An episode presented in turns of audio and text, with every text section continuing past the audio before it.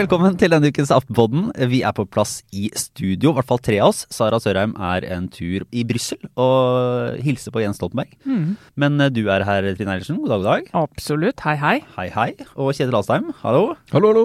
Og eh, vi kan si alle er for øvrig negative covid-tester Fra i dag morges. fra i dag morges. Her er regimet for å kunne gjennomføre julebord. jeg skal ta min litt senere i Ja, det jeg kan ikke love den. noe, men vi sitter jo her med halvannen meters avstand, så det går fint. Ja, Nei, det er én stripe på testen, og alle som har tatt sånne tester i andre sammenheng, vet at det kan være gode nyheter eller dårlige nyheter. Men i dag så er det gode nyheter. Og det er mange uker som er, er eh, spennende og rare i, eh, i norsk politikk og utenlandsk politikk, for den saks skyld. Og vi gleder oss over de ukene. Og vanligvis så prøver jo vi å holde et eh, hva skal jeg si, høy frekvens, da. Sånn at alle skal egentlig få en kommentar fra deg, Kjetil Astheim. Du skriver Altså, du er jo eh, Norge Jeg vil si bortimot Minutt, Norges mest politiske Norge minutt for minutt. Ja, bortimot mest produktive kommentatoren i Norge. Jeg vil si absolutt den mest Ja. produktive Ja, kommentatoren. Ja. Men denne uka så har det, altså, det har sprukket for deg, har det ikke det? Jo, I går var det jo helt, det var jo helt umulig. Altså, det, kom, det begynte med vår sak i Aftenposten om eh, Jon Christian Elden, som var ute og sa at, eh, at Eva Kristin Hansen hadde trukket seg på feil grunnlag, for hun er ikke mistenkt, er ikke under etterforskning. Og så da Eva Kristin Hansens uttalelse om at dette, dette var jo eh, ikke riktig, og nå, som hun beklaget i forrige uke, og nå mente hun det var at hun ikke hadde gjort noe galt. Ja. Og så bare rulla det på med da ny eh, presidentkandidat fra Arbeiderpartiet, og så Sverre Myrli, som da ikke ble presidentkandidat, og som tømte seg i Stortingets vandrehall for sin frustrasjon. Og oppi dette så var finansminister Trygve Magnus Slagsvold Vedum i sin første spontanspørretime, men det var det jo ingen som fikk de til å bry seg noe om. Og så drama i Sverige, der de fikk en ny statsminister. Og som satt i sju timer. Og så jeg vet ikke om hun rakk å få seg pendlerbolig engang.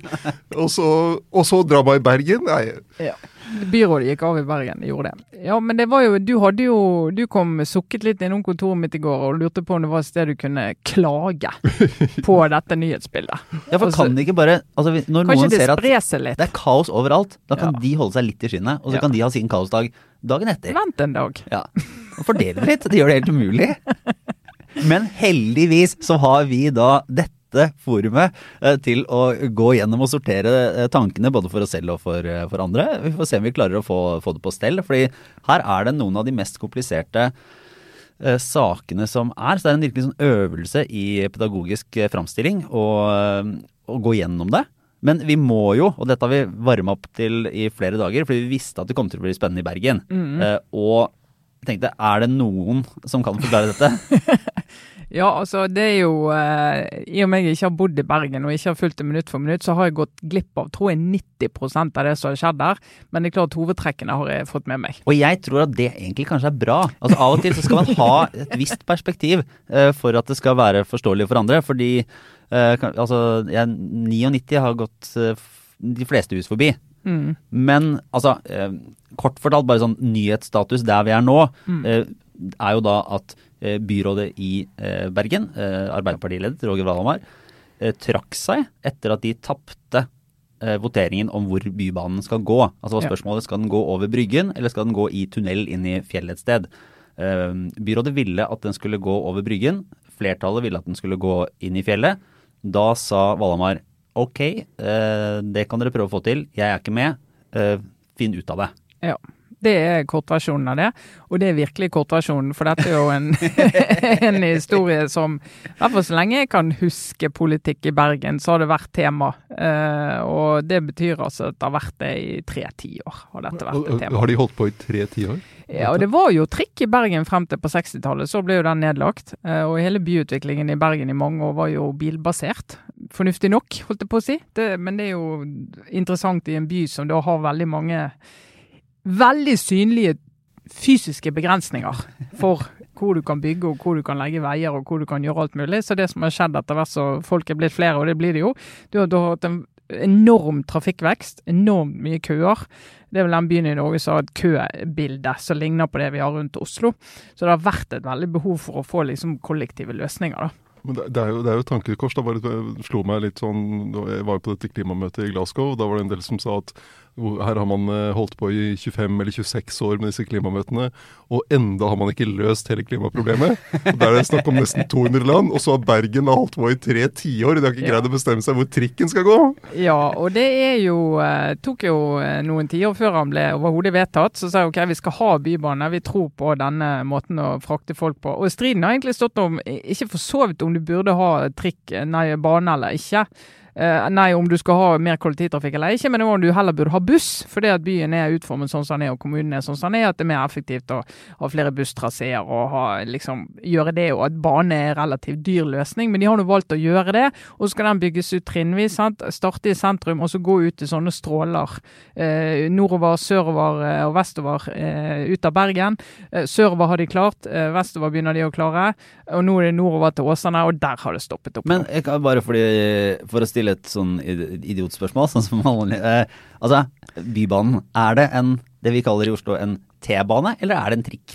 Det der er et veldig godt spørsmål, eh, Lars. Jeg vil si at det er en slags hybrid. Sant? Nettopp. Årets ord. Ja. For det er jo eh, Det går jo over bakken. Eh, I hovedsak, unntatt når det stanger inn i et fjell, åpenbart. Så må du jo gjennom det fjellet.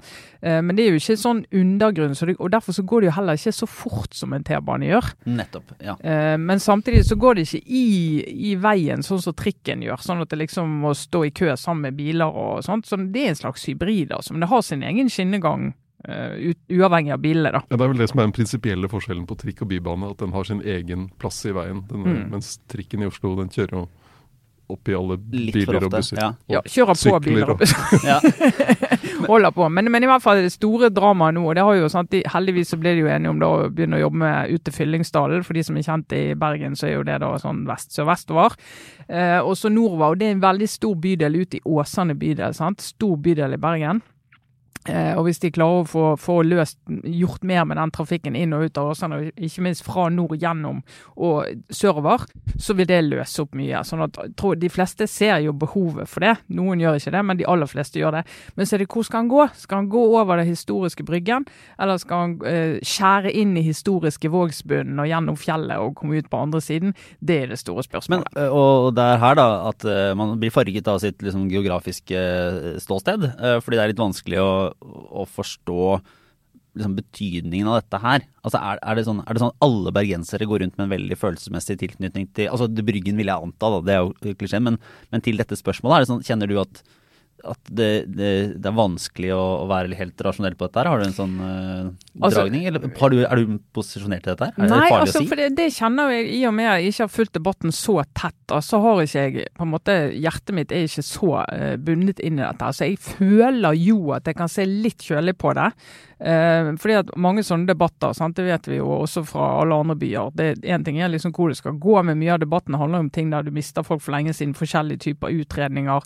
Hva skal det koste? Eh, hvor må det tunnelinnslaget være? Hva vil skje med Bryggen som synker litt? og Hvis det regner og det er flom, og hva skal skje med bilene? Hvor skal bilene gå? Hvor skal stoppene gå? Så Du får veldig mange sånne diskusjoner som er veldig detaljerte. Men liksom det helhetlige, hvor skal banen gå, så tror jeg eh, veldig mange nå men akkurat nå er det jo flertall for tunnel, da, og det tror jeg er fordi at veldig mange bergensere har tenker at Bryggen det må det bevares sånn som det er. Dette er jo en, eh, en del av byen som eh, var rivningstruet for ikke veldig mange tiår siden. Skulle bare vekk med driten og bygge opp noe nytt. Og jeg tror folk har litt igjen den der eh, Vi holdt på å gjøre noe overilt den gangen der. Vi siste nikket så gjorde vi det ikke likevel. Altså, hvis du sparker i jorden her, så kommer du jo ned til Olav Kyrre og vel så det. Mm. Med historisk materiale. Eh, Så mange tenker at nå må vi ikke gjøre den feilen vi unngikk å gjøre for noen tiår siden. Eh, kanskje vi heller tar det gjennom tunnel. Men det er jo ikke bare bare. Det er jo mange ganger så dyrt. Tre ganger, så vidt jeg hørte.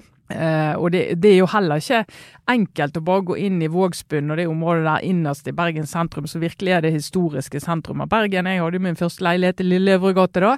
Uh, del av det tidligere Red Light District i uh, Hansabyen Bergen. Og det var jo der det skjedde, ikke sant. I hele middelalderen så var det jo sånn at det er et veldig sånn du kan ikke bare begynne å rive hus og bygninger og, og, og skjære inn i fjellet uten at det får konsekvenser. Det er heller pluss at det er jo veldig dyrt. Og så er det jo da en hel by, bydel, Sandviken, som da ikke blir en del av Bybanen. da, og Der bor det jo en del mennesker der òg. Ekspertuttalelsene, da, hvis man, skal, hvis man skal stole på dem, som jo er et politisk spørsmål i Bergen, eh, viser det seg, eh, sier jo at det er, det er billigere og bedre å ha det over Bryggen enn å ta det inn i fjellet. Ja da. Og så er det jo, kan du si, eh, å ta det over Bryggen, det er jo faktisk ikke så permanent som å gå gjennom fjellet heller. Hvis du nå en eller annen gang skulle finne ut at det var noe annet du ville gjøre da, om mange mange tiår. Men det å gå gjennom fjellet det er jo mer permanent løsning. Det som er eh, ekstra fascinerende her, er jo at det er jo da En ting er at det som Ok, det høres ut som to enkle alternativer, mer eller mindre, som man kan velge. Klassisk sånn lokaliseringsstrid. Men det har jo også utløst et politisk vedvarende eh, kaos, hvis man skal være litt tabloid, i de siste, hvert fall, siste, hvert fall de siste ti åra omtrent. Ja. Der eh, partier har endra Altså helt sånn Arbeiderpartiet gikk til valg i 2015 på tunnel, Mm. eh, og så snudde de da de fikk med seg Venstre og KrF i, Mm. i byråd, og gikk da veldig for Bryggen. Og nå går de av fordi de ikke kan leve med et vedtak som de i 2015 ville ha. Og så er det selvfølgelig noen tekniske spørsmål på hvilken modell man faktisk stemmer over, og er det den samme nå som det har vært snakk om tidligere. Og, det tror jeg blir eh, over hodet på de fleste av oss. Men er det fire byråd som har gått over eller noe sånt på dette? Ja da, det, det, har vært, det har vært den saken som har eh, hva skal jeg si, stått mest i veien for eh, politisk eh, stabilitet i Bergen de siste tiåret. Eh, og som eh, jeg hørte en på en podkast i BT i går eh, som sa at altså minnet om at i 2012, da var Monica Mæland byrådsleder i Bergen i i en hel generasjon. sant? Og det, når hun eh, forsvant til Oslo og ble statsråd i 2013, eh, da var det akkurat så da Tito eh, ga fra seg Jugoslavia. Da liksom kom alle motsetningene opp, og da var jo Høyre i full krig med andre i mange år. Men hun hadde jo sagt det at Bybanen skal gå over Bryggen, og så har Høyre skiftet mening etter hvert. Og ja, Altså, Høyre og Arbeiderpartiet var jo enige på et tidspunkt, men det som er med den saken her, den er ikke Høyre-venstre-akse, for å si det mildt. Så akkurat nå så er jo Høyre Rødt og Senterpartiet de er enige om at han skal gå eh, i fjellet. Og mens de andre partiene de vil ha, ha han over eh, Bryggen. Det ikke, og det er jo nå Rødt som er litt sånn Hva gjør Rødt nå når Roger Wallam har gått av? Og da er det sånn Hva skal de gjøre? Skal de skifte standpunkt for å sikre et Rødt-aktig byråd? Eller skal de altså For det er jo ikke tenkbart at Rødt kan støtte et Høyre-ledet byråd. Mm. Så, så denne går rett gjennom alle andre saker. Og det er det som er så trist for Bergen, er at denne saken har vært så dominerende at det er jo mange andre politiske saker som ikke har fått den farten de burde ha fått, fordi at denne saken har skåret gjennom all Men, diskusjon. men er det en sånn sak som er drevet fram av at eh, bergensere flest måte, krever et svar, og så jobber politikerne med å posisjonere seg ut fra en enorm sånn folkelig mobilisering og ønske, eller er det, har det på en måte oppstått en egen dynamikk der politikerne bare de, Politikerne krangler om dette her, og så er folk på en måte i hverdagen sin og fortsetter. Ja, altså, altså, jeg tror nok folk er engasjert, og vi har jo hatt sånn eh, Vi, hør da. De Jeg stemmer jo ikke der lenger. Eh, har jo hatt eh, bybanevalg, ikke sant, hvor det har handlet om det, og da er folk veldig engasjert. Og folk har jo veldig sterke meninger om dette, eller folk har veldig sterke meninger om alt, faktisk, i, i Bergen. Og i hvert fall dette. Eh, så det er klart, velgerne er engasjert i det, men, men politikerne har løftet det opp til en sak som overskygger alt annet i den byen. Og det syns jeg er trist for eh, bergenspolitikken. da. Ja, ja. Men de er i hvert fall altså de er, Det er en by da som uh, mangler litt uh, styring per nå. nå er det jo ikke, nå er det vel et sånn såkalt forretningsministerium. Ja. Uh, og Så får vi se hvor lenge det var. For det er jo ikke så lett som det var i Oslo da Ramon Johansen gikk av her eh, på vårparten. Uh, og Pga. Lan Marie Berg, eh, som da ble vippet ut av byråd. Og så kom han tilbake igjen etter et par dager med samme grunnlaget. Eh, men i Bergen så er jo saken er jo ikke forsvunnet. Beslutningen er jo ikke forsvunnet, og vedtaket er ikke forsvunnet. Nei, og, og Valhammer krever jo at altså hvis de skal gjeninnsettes, så skal det være fordi han får flertall for eh, Bybanen over Bryggen. Ja. Så han har jo satt ordentlig politisk press inn i, inn i det. Det er ikke sånn at han bare eh, kommer tilbake igjen, i hvert fall det han har sagt til nå. Ja, ja. tilbake igjen og styrer på det vedtaket han er imot. Nei, for han tror ikke på det. Han mener det er uansvarlig, altfor dyrt og umulig å få til. Og tenker at det kan ikke jeg eh, lede på. Og Da mener vi at da, da må du gå av. Og Så hvis- han har gjort det helt rette med utgangspunkt i det han mener, da. Ja, og Hvis han hadde snudd der eller gitt seg på det, så hadde han vel mistet da også KrF og Venstre, som vel skiftet side nettopp pga. Uh, banen, ja. Så de, og de var jo med Høyre i mange år. Så sånn går nå dagene. Eh, og i Bergen har du i hvert fall genuine sentrumspartier. Ja. Men eh, de er i hvert fall altså, de er en by som da har litt, eh, litt uh, fram og tilbake i styring. Vi bare kjapt innom et land som har det samme, nemlig Sverige. eh, som, eh, som heller ikke er så lett å forstå og baserer seg på en sånn litt merkelig politisk eh, dynamikk. Men der fikk de jo da et, i et, nærmest et øyeblikk fikk de da sin første kvinnelige statsminister i Magdalena Andersson fra Sosialdemokratene, som tok over etter Stefan Löfven. Eh, Men det varte bare syv timer, og jeg skal innrømme at jeg, jeg rakk ikke å lese saken om at hun var blitt statsminister før jeg leste saken om at hun hadde gått av. Nei, det, man, det, man, bare, man rakk bare å lese push-varslene. Ja, men alt, alt dette skjedde jo midt i arbeidstiden. Så, så vanlige folk i en vanlig jobb har jo ikke fått med seg alt som skjedde i starten der. Men det, det har jo vært veldig vanskelig, en veldig vanskelig regjeringskonstruksjon, hele det, det prosjektet, med at, eh, at de har hatt eh, denne spenningen mellom da det svenske Senterpartiet på den ene siden og dette Venstrepartiet på den andre, eh, som, som, som har måte prøvd å utmanøvrere hverandre. Eh, og så eh, fikk hun støtte nok til å bli statsminister, men så stemte da Senteren på eh, et borgerlig budsjett. Og det er klart, du kan jo ikke som statsminister godta at du må styre på Nei, men her var det jo, her var det jo altså godta og godta. Eh, Andersson selv mente jo at det var mulig å gjøre, men Miljøpartiet sa, at, eh, sa nei. Altså, fordi at det, så de har jo en det er på en en, sånn eh, ekstrem eh, både pragmatisme eller liksom er villig til å Det, det skjer så mye rart. Den, men, men eh, Og hva som skjer nå, er det jo ingen som vet? Eller det er, kommer kan noen andre ta over? Dette er bare spørsmål. Altså, det er jo, ja, det altså, det er jo ikke grunnlag for det heller, da. Og det er jo den der eh, altså, Det er jo to hovedutviklingstrekk. Sverige har hatt det som å si, alle andre land har. Sosialdemokratiet, store styringspartier, har falt jevnt og trutt. Eh, Og I tillegg så har de da hatt Sverigedemokraterna, som har vokst opp og blitt eh, stor, stor spiller, men som ingen vil ha med i det gode selskap. Og så da står det litt sånn som det var i Norge før eh, Frp gikk i regjering, så står der ute og er stor forstyrrelse på borgerlig side, men også gjør det vanskelig på andre siden når sosialdemokratene begynner å bli mindre, og de er avhengig av eh, Venstrepartiet og de eh, andre partiene. Så de, er det plutselig en situasjon der du har et veldig skjørt parlamentarisk grunnlag for nesten hvem som helst. Så har du en spenning her med at det strekket i laget da, på den siden som har styrt nå, er, er, er ganske stort. fordi senteren i, i Sverige er jo et annet sted enn Senterpartiet i Norge. Senterpartiet i Sverige er EU og sånn. ja, De er veldig for EU. De er mye mer liberale og borgerlige i økonomisk politikk. Men de har eh, satt en sånn rød linje på at de samarbeider ikke med Sverigedemokraterna. Så det er grunnen til at de, de samarbeider med, med Sosialdemokratene. Og så har du Venstrepartiet, som er, ikke er SV. Så det er liksom en, mer en miks av Rødt og SV, så du kan ikke helt sammenligne det med med altså si liksom Senterpartiet og SV greier jo å samarbeide om en del ting her i Norge. Hvorfor kan de ikke gjøre det i Sverige? Og Det er, det er fordi avstanden rett og slett er, er større i begge retninger. Mm. Det er fascinerende at, at man også i, i land som man eh, er opp, man må, kan både like og ofte må sammenligne seg med, kan fungere mer eller mindre uten regjeringer. Eller at, at det kan ta så lang tid. Og Ja, at det- er så mye mer komplisert. Den derre angrepene fra begge sider i norsk politikk om uh, rød-grønt kaos og borgerlig kaos, det blekner ganske mye når man ser både på byer og, og naboland, egentlig. Ja, ja, det gjør jo det. Og så er det jo, viser jo da verdien av solide byråkratier. og liksom, altså at Du har systemer og infrastruktur som gjør at landet tikker og går videre. da. Det er ikke sånn at alt bare stopper opp og du får helt shutdown hvis det er en aldri så liten politisk krise. Ja, også, også det, er jo, det er jo en politisk krise i Sverige nå, men eh, det er jo ikke kaos. De jo, det er jo et system som fungerer. Nå skal talmannen finne ut hvem er det som kan danne regjering, og får de ikke en ny regjering på plass, så blir det et nyvalg. Så det, jo, det, et, det skjer jo innenfor rammene av fastlagte rammer i det svenske demokratiet. Og det er jo litt sånn budsjettforhandlinger i, i Norge, mindretallsregjeringer som skal behandle budsjett. Eh, Så vi har jo liksom en liten sånn tidsplan for hvordan budsjettbehandlingen skal foregå. Og det er jo så å si uten unntak, så sprekker jo den. Men sjøl det er jo innenfor en slags ramme, og som alle har i bakhodet at ja, vi skal jo holde den deadlinen.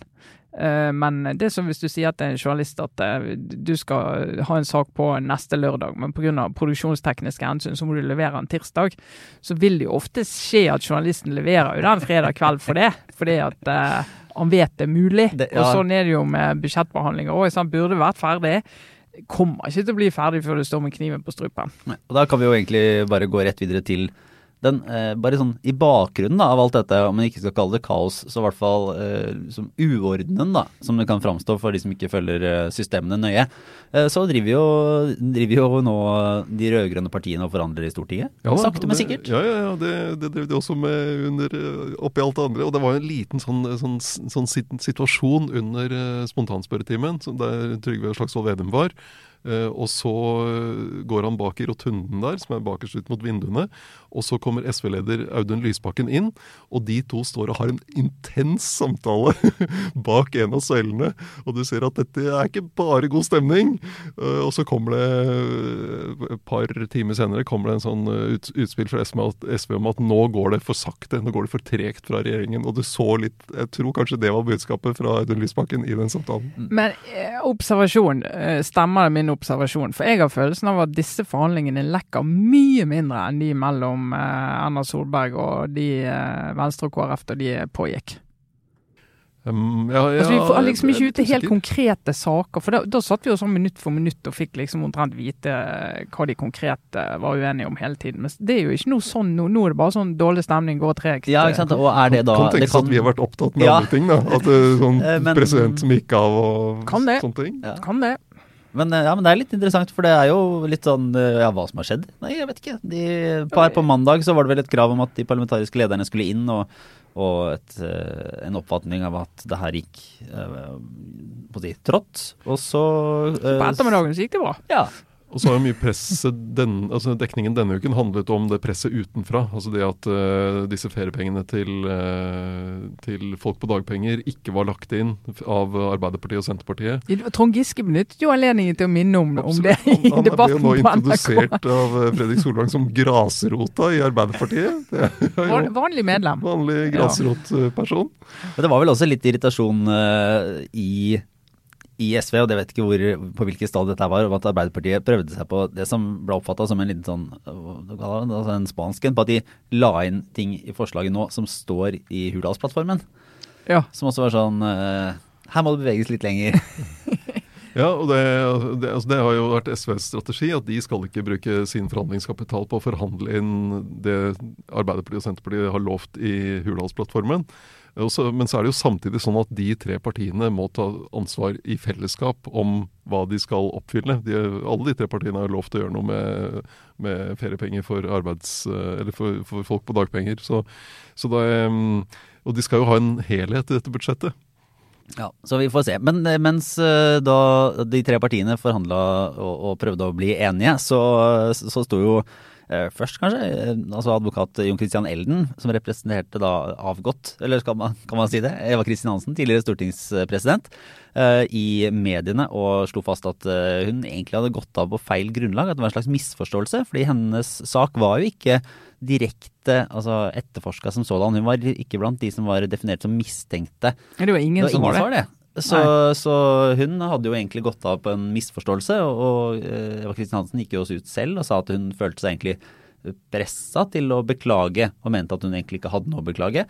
Og, og, er- altså, hva, eh, hva, hva, er, hva er det som skjer her? Er det et forsøk på å bli stortingspresident igjen? Det har jo i så fall ikke gått, eller er det et forsøk på noe annet? Nei, jeg tror vel det er mer å redde ettermælet som er prosjektet nå, da. Men så går det an å sette seg inn i hennes situasjon på den måten. Hvis hun virkelig oppriktig trodde at hun var, ble etterforsket, navngitt om en etterforsket, så eh, da trenger du jo advokat.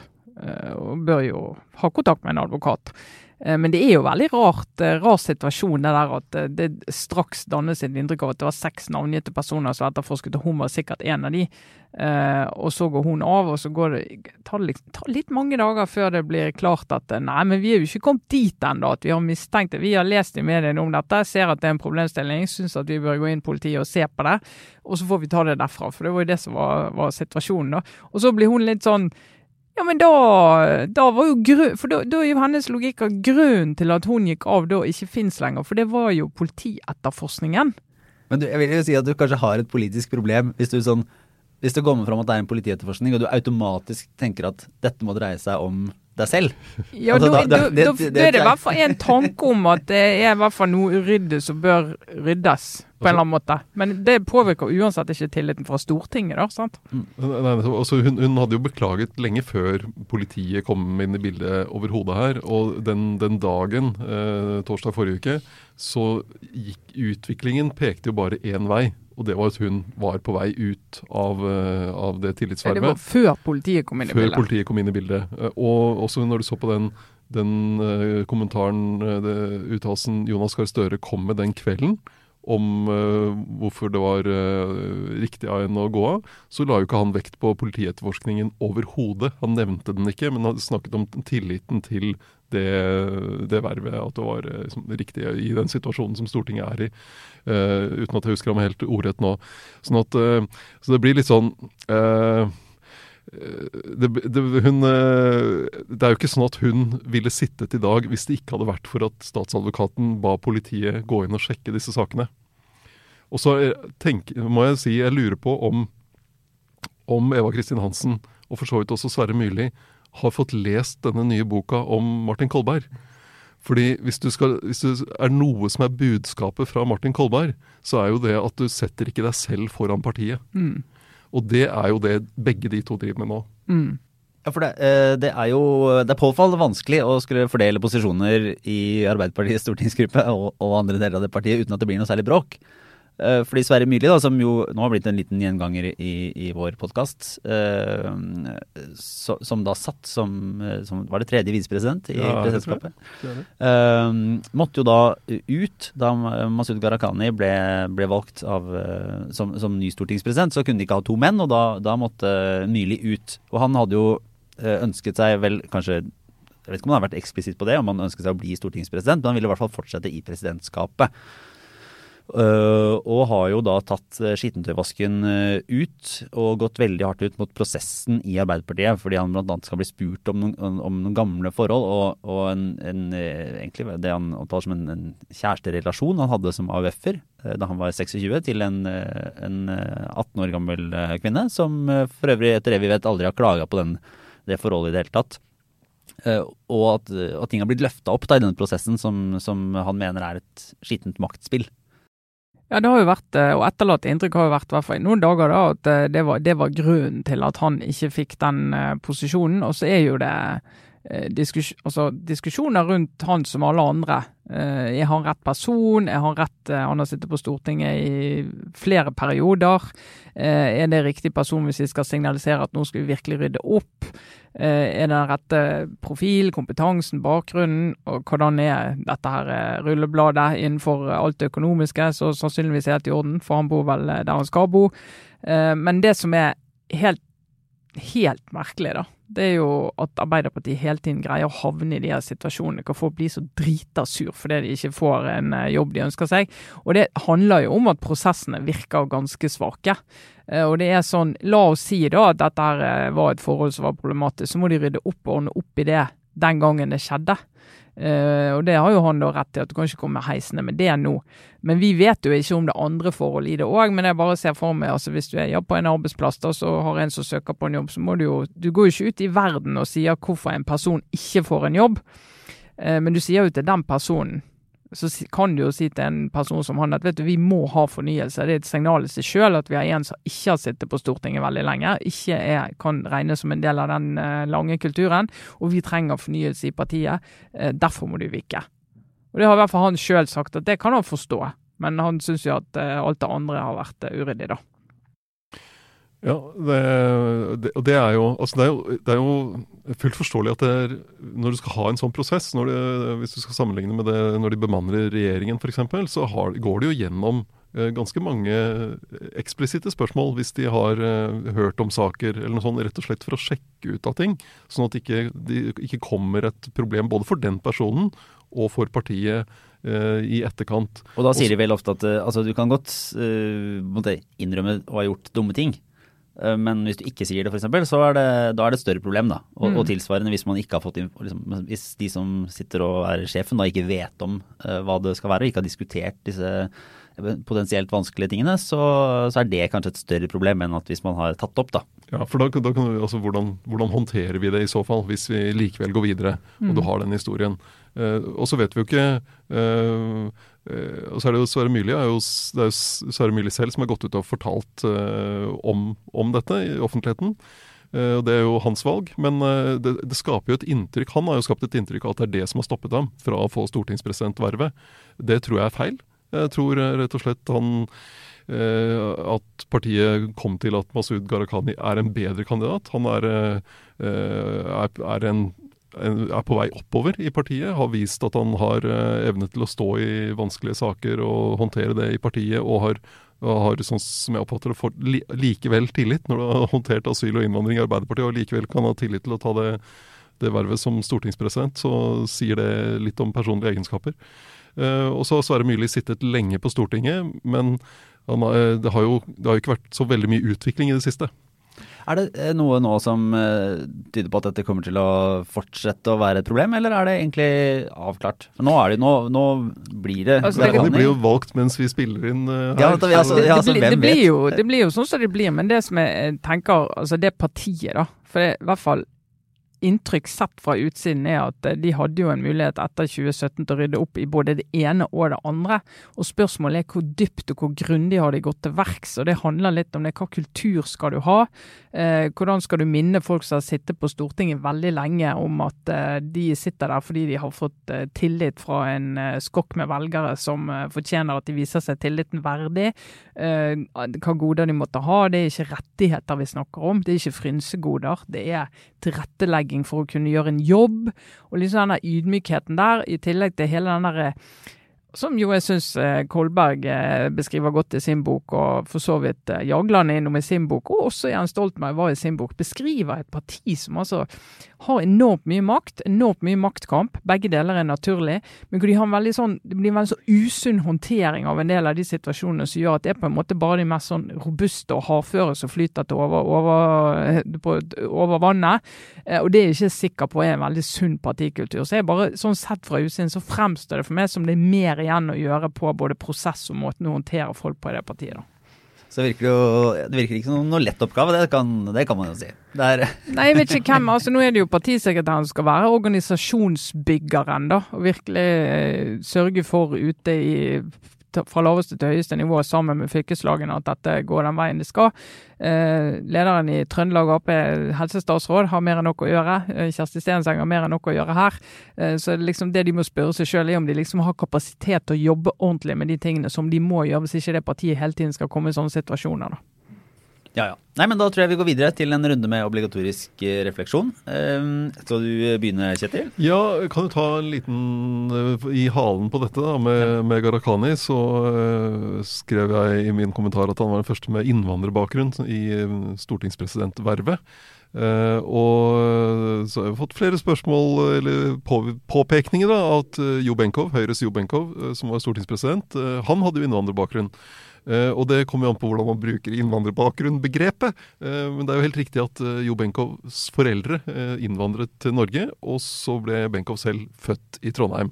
og Hvis du har sånn togenerasjonsperspektiv, så hadde jo han også innvandrerbakgrunn. Også mens da Gharahkhani ble født i Iran. og så er det jo noen andre som har eh, omtalte som at Gharahkhani er den første med minoritetsbakgrunn. Og det blir jo feil, fordi Jobenkov uh, hadde jødisk bakgrunn, og det er definitivt en minoritet. Uh, så det er jo ikke helt lett, dette her. Og så er spørsmålet skulle man omtalt det som den første muslimen, og Gharahkhani er jo muslim. og han, eh, eh, Samtidig som han har fortalt at han, han, har sin tro og spiser både pølse, spiser pølser og drikker alkohol. Så det kunne hatt dette er den første muslimske stortingspresidenten som drikker alkohol, f.eks. Kunne han presentert ham som Eller den første iranskfødte. Så det er mye å velge i. Det er ikke så lett ja, å være presis her uten å bli en Wikipedia-artikkel. Nei. Vær forsiktig med ordbruken. Nei, altså jeg har lyst til å, å, snakke om eh, to personer. Først så vil jeg bare si eh, som har eh, vært med på å dra Norge i positiv retning, begge to. Den ene er jo Kim Friele, som døde denne uken her. Eh, homoforkjemper. Eh, helt søyle i homokampen i Norge. Eh, døde hun eh, var jo ja, begynte å være 86. Begynte å nærme seg 90 år, altså. Eh, og, dame fra verdens peneste by. Som eh, har eh, kjempet en kamp i en tid så jeg tror vi som lever i dag, kan ikke helt sette oss inn i hvordan det var å stå frem som lesbisk, som hun gjorde da, i den tiden der. Eh, hun var med og fikk avkriminalisert sex mellom menn. Som, høres, altså, høres virkelig sånn helt absurd ut, men det var også i vår levetid, i hvert fall i min Lars levetid. Eh, og så Jeg syns det var veldig rørende å lese Facebook-feeden min den dagen og se hvordan eh, venner og bekjente av meg som eh, homofile eller lesbiske, eller eh, er rett og slett utenfor hovedstrømmen, da. Eh, på noen helst måte hvordan de takket henne, og hva det har betydd for de at noen gikk foran på den måten der. Så det, det vil jeg bare hyll, hyll eh, Kim Friele. og så har jeg lest altså endelig da boken til Abid Raja, 'Min ja. skyld'. Mm. Uh, som jo kom i høst, har fått veldig mye god kritikk. Og så jeg ser frem til å lese den. Uh, og jeg har jo mitt inntrykk av at Raja sånn fra offentligheten og fulgt han i politikken i flere år. Uh, og så leser jeg hans historie, og så tenker jeg at den boken der håper jeg ikke at bare på å si alle menn med innvandrerbakgrunn i Norge leser, men jeg håper faktisk at alle i Norge leser den boken. for det er så mye innsikt i den boken der, og jeg syns at han reflekterer rundt seg sjøl og det han har gått igjennom. Eh, og han har, han har, en veldig spesiell bakgrunn. Alt dette har det jo vært snutter av i mediene rundt omkring. Men han, eh, den brutale ærligheten med seg sjøl som han har i den boken, det ser du jo aldri i politiske biografier, eh, bare for å si det. Så Sånn sett skiller jo boken seg veldig ut, hvor han snakker om sine svakheter, sine feil, eh, sine vurderinger, hva som har påvirket han. Eh, jeg syns særlig interessant det forholdet han har hatt til sin kone i alle disse årene. og og utviklet seg fra å være egentlig en veldig tradisjonell pakistansk mann i hodet til å bli en likestillingsforkjemper for døtre. Sett hvor er vi på vei henne? Dra arvesynden, et ord han snakker om. Men òg den altså helsehistorien hans, og hvordan det har vært å være han med den bakgrunnen han har, og finne plassen sin i Norge. Og det er egentlig, altså han er, det er klassereisen sin. Det er en gladsak, hele Abid Raja. Altså jeg må si jeg er veldig, veldig fascinert. Jeg ble rett og slett beveget flere ganger når jeg leste den boken, så jeg vil anbefale folk å lese den. Han er et forbilde for mange. Og han fikk jo bokhandlerprisen eh, denne uka. Det gjorde han. Og den ble jo overrakt til Abid Raja av kulturminister Anette Trettebergstuen. Og det er jo litt artig å tenke på at hvis Abid Raja ikke hadde gått av, så måtte han gitt prisen til seg selv. Ja! Det òg, sant. Og det er Nei, men det å håndtere de der krysspresset som han har stått i, det er han ikke alene om. Og det er altså Når jeg nevner både Kim Friele og Abid Raja i samme OR, så er dette to personer som har eh, levd under forventninger som de ikke har levd opp til. Uh, og det har vært bra for Norge, at ikke de har levd opp til de forventningene. Men det har kostet mye for de da, og det syns jeg vi skal huske. Mm. Nå følte jeg at min uh, obligatoriske refleksjon ble litt sånn uh, liten. Men jeg, altså jeg tar den da for, uh, for folk flest, vanlige folk. Du er jo representanten for de nære ting. Ja, ja, ja, ja, ja. Det er så seminært der da. Men jeg vil bare Jeg har, jeg har sett, sett, ferdig denne sesongen.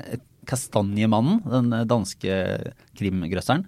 Uh, anbefales helt uh, streit. Ja, men ikke det sånn der skandinavisk uh, intens mye vold, koko-vold, sånn som jo. ingen driver med? Eh, jo, til dels. Og ja. eh, her kommer jeg egentlig videre til mitt poeng.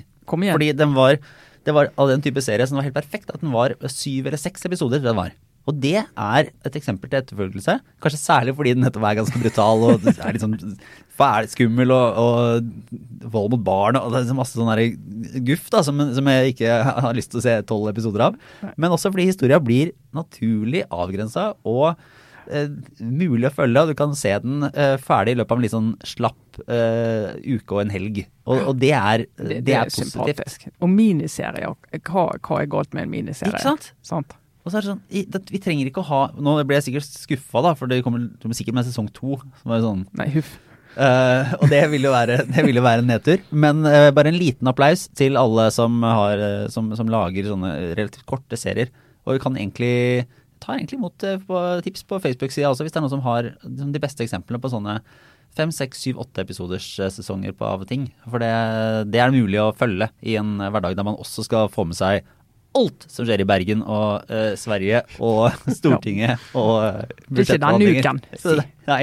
Og plutselig er det et julebord. Ikke sant? Ja. ja. jeg må lage tale til julebordet. Ja. Jeg må gjøre noe snart. Ha, uh, hvor, I hvilken grad føler du på et presset fra, fra Helsedirektoratet som avlyste sitt julebord? Ingenting. Det er bra. Null press. Ja.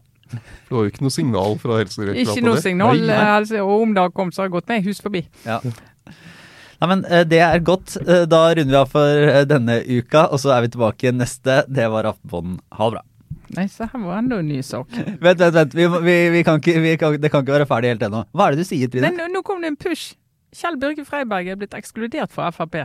Påstander om lekkasjer av et internt dokument. Får VG opplyst? Denne uken her, altså. Det bekrefter Freiberg selv i et innlegg på en lukket Facebook-side for tillitsvalgte i Frp i Nordland med over 160 medlemmer, skriver VG. Altså, altså eh, ikke, Det er ikke sikkert alle har dette helt inne, men Og det er altså, det der organisasjonsutvalget i partiet, vet du. Og de lurer på hvem Kjell Børge Freiberg er? Ja, ja, ja. Hallo! altså tidligere olje- og energiminister. Ja. Nettopp. Ja. Kunne ha sagt mye om forhold i Nordland Frp, ja. Mm. Angivelig skal jeg ha lekket et internt dokument til Dagens Næringsliv. Jaha. Hmm. Akkurat. Ja, nei, eh, det var vel bare en liten nyhetsoppdatering her på tampen. Det, det renner på. Ja. Det er sikkert ingen som klager på det der. vi, vi kan bare aldri slutte i opptak. Det var det. Nå sier vi ha det bra.